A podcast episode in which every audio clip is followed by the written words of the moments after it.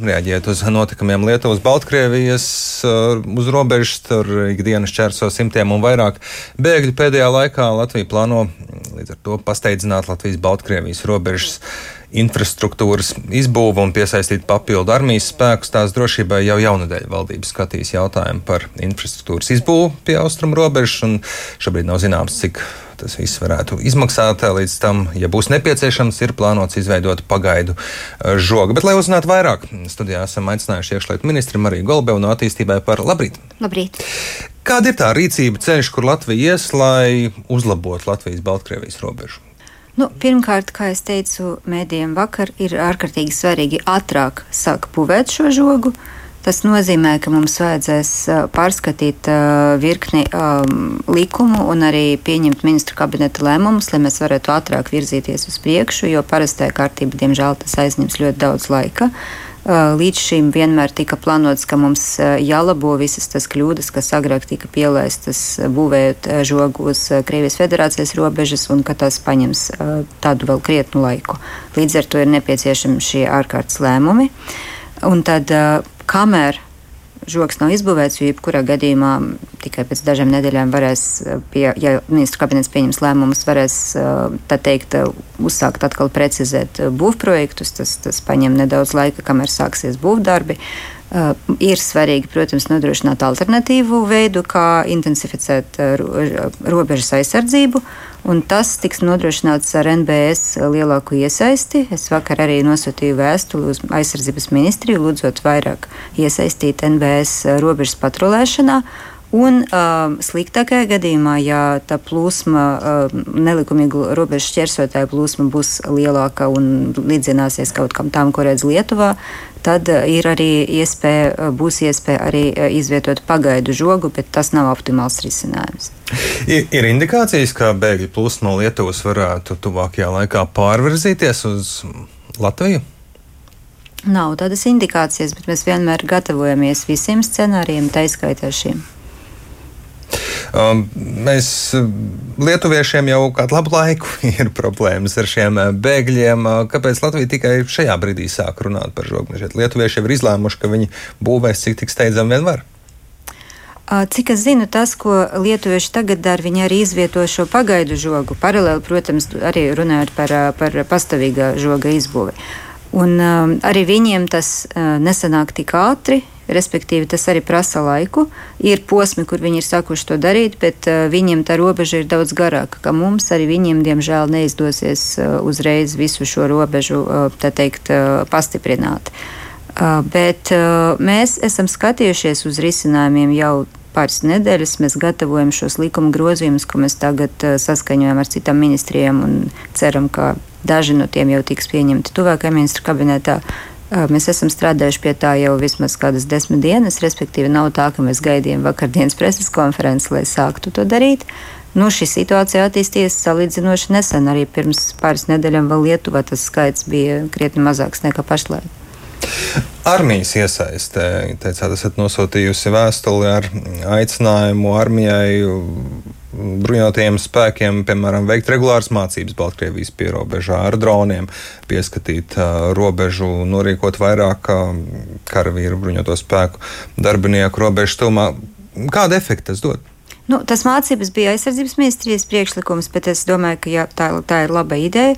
Uh, nu, tas dod dubultu efektu. Pirmkārt, mēs, esam, mēs būsim spējīgi labāk redzēt, uh, kur mums vajag uzlabot savu koordināciju, savu rīcību, kaut kādas uh, praktiskas lietas, ko var uzzināt tikai izmēģinot. Un otrais ir, protams, šis signāls, ka mēs nopietni sargājam savu robežu, ka nevajag uh, mēģināt pie mums uh, griezties cilvēkiem, kuriem nav tiesības atrasties Eiropas Savienībā un kuriem nav arī tiesības uz patvērumu, kas vienkārši ir izdomājuši atlidot no Bagdādas, piemēram, un šķērsot robežu. Tas nav risks eskalēt situāciju, ņemot vērā, kādas ir Baltkrievijas attiecības šobrīd ar Eiropas Savienību. Um, šis nav naidīgs akts, kurš ir vērsts pret Baltkrieviju. Šis ir uh, pilnīgi likumīgs, uh, leģitīms veids, kā pasargāt savu robežu no savas puses, cenšoties to nostiprināt.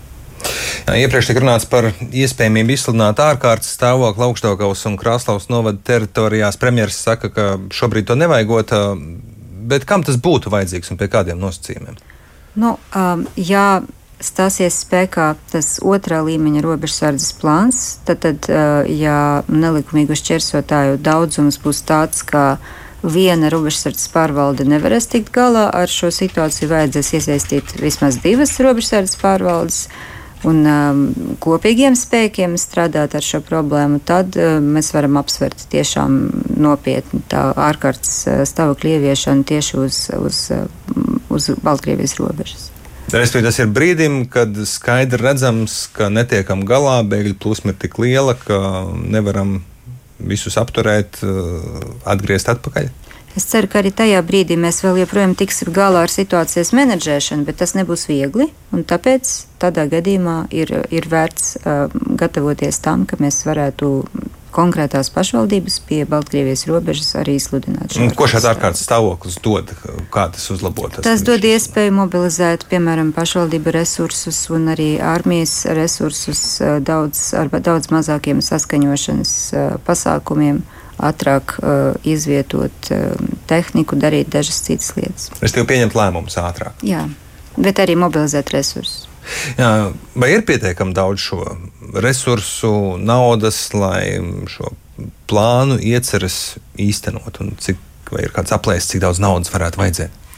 Um, par tām aplēsēm precīzāk mēs viņus iesniegsim ministru kabinetā līdz ministru kabineta sēdē. Es tagad negribētu precizēt ciparus. Ministrija šodien um, vēl strādā pie informatīvā ziņojuma. Um, mēs pie viņa jau dažas dienas strādājam, un um, tas darbs ir ļoti intensīvs. Uh, jo vajag apzināt ne tikai to, cik mums ir nepieciešams, lai izbūvētu fiziski žogu, bet ir, ir jāprēķina arī, cik ir nepieciešams, piemēram, lai pākstinātu kapacitāte tās mūsu iestādēs, kas, kas tad vadīs šo projektu un tam līdzīgi. Tas ir nedaudz komplicētāk nekā var no sākuma izklausīties.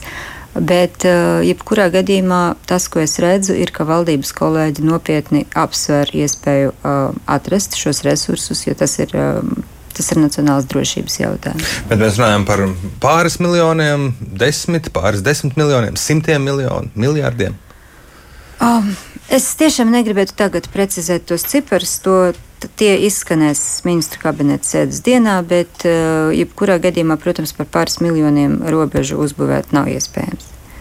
Nu, kādiem līdzekļiem, veidiem, uh, vai līdz šim ir runāts ar Baltkrieviju? Jo daudz pieļauj un ir pārliecināti, ka Baltkrievijas autoritārais režīms ir tas, kurš apzināti veicina bēgļu plūsmu. Latvija ir veikusi kādu sarunas ar Baltkrievijas pusi, un vai notiek kaut kāda sadarbība, piemēram, ar Baltkrievijas robežsargiem. Nu, cik es zinu, tādā, um, tādā minimāla obligāta sadarbība starp Latvijas un Baltkrievijas robežsardzi uh, tagad notiek rakstiski, respektīvi tiek ziņots par šķērsotājiem rakstiski. Agrāk bija sadarbība, cik es sapratu, ka arī tikās reizēm. Um, tas, protams, ir saistīts ar to, ka kopumā nu, tagad Eiropas Savienības um, attiecības ar Baltkrieviju diemžēl pasliktinājas un ne mūsu dēļ. Uh, bet um, kopumā es teiktu, ka mums ir ļoti svarīgi iesaistīt tieši šo Eiropas diplomātiju. Un cik es zinu, Eiropas diplomātija jau iesaistās, un daži panākumi tur ir. Par tiem parāk atklāti tagad nerunāšu. Bet uh, ir, uh, ir fakts, ka gan uh, Eiropas komisāri, kas atbild par šo jomu, uh, gan arī Eiropas eh, teikt, ārlietu cilvēki, viņi diezgan cenšas risināt šo jautājumu. Tāpat kā Eiropa arī, protams, palīdz Lietuvai arī materiāli šajā situācijā. Jā, kādu palīdzību mēs varam saņemt un prasīt no Eiropas? Nu, pirmkārt, mēs jau esam prasījuši palīdzību no Eiropas uh, robežu un krastu aizsardzības aģentūras Frontex. Uh, Mums arī, mums arī ir, ir teikt, no viņu puses gatavība vairāk ekspertus sūtīt vajadzības gadījumā uz Latviju. Daži eksperti jau tagad ir Latvijā ar mašīnām palīdz mūsu robežsargiem apzināt robežas vājas vietas un labāk izdomāt, kā, tas, kā, kā šīs vietas sargāt. Jā, arī lietuviešu lūdzu palīdzību, un arī pie viņa Frontex nosūtīja palīdzību. Lietuva ir lūgusi kādu palīdzību mums saistībā ar migrantu krīzi, Jā, iespējams, varbūt izvietot pie mums? Protams, tas saucamais civilas aizsardzības mehānisms Eiropā, kad, kad tiek izsūtīts tāds lūgums dalību valstīm iespēju robežās palīdzēt ar konkrētiem līdzekļiem, ar konkrētām lietām, kas ir nepieciešams tieši tajā brīdī, lai risinātu šo uh, arī humanitāro krīzi. Mēs nosūtījām teltis, mēs nosūtījām ģenerators un vēl dažas lietas, respektīvi to, kas ir nepieciešams tur uz vietas, lai varētu menedžēt šo plūsmu un, un šis nometnes, kur tiek aizturētas personas, kuras nelikumīgi šķērsoja robežu. Šos nelikumīgos robežu šķērsotājus potenciāli varētu izvietot arī pie mums, ja lietuviešiem kļūst pārāk biezi. Latvijā pašlaik bez um, saimas piekrišanas uh, nevar īsti tā pārņemt daļu nelikumīgu robežu šķērsotāju vai pat patvarumu meklētāju un pārcelt uz Latviju. Um, līdz ar to drīzāk šī palīdzība izpaudīsies uh, kā mūsu uh, robežsardzes. Arī tagad jau kaut kāda palīdzība tiek sniegta.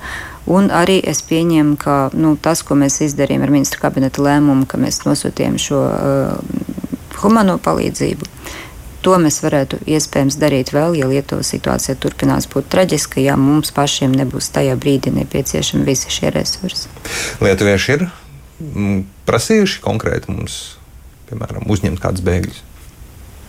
Nav prasījuši tieši veida uzņemt bēgļus, jo viņi arī apzinās, ka politiski Latvijā nav konsensa par to, ka mums vajadzētu uzņemt no kādas Eiropas dalībvalsts bēgļus.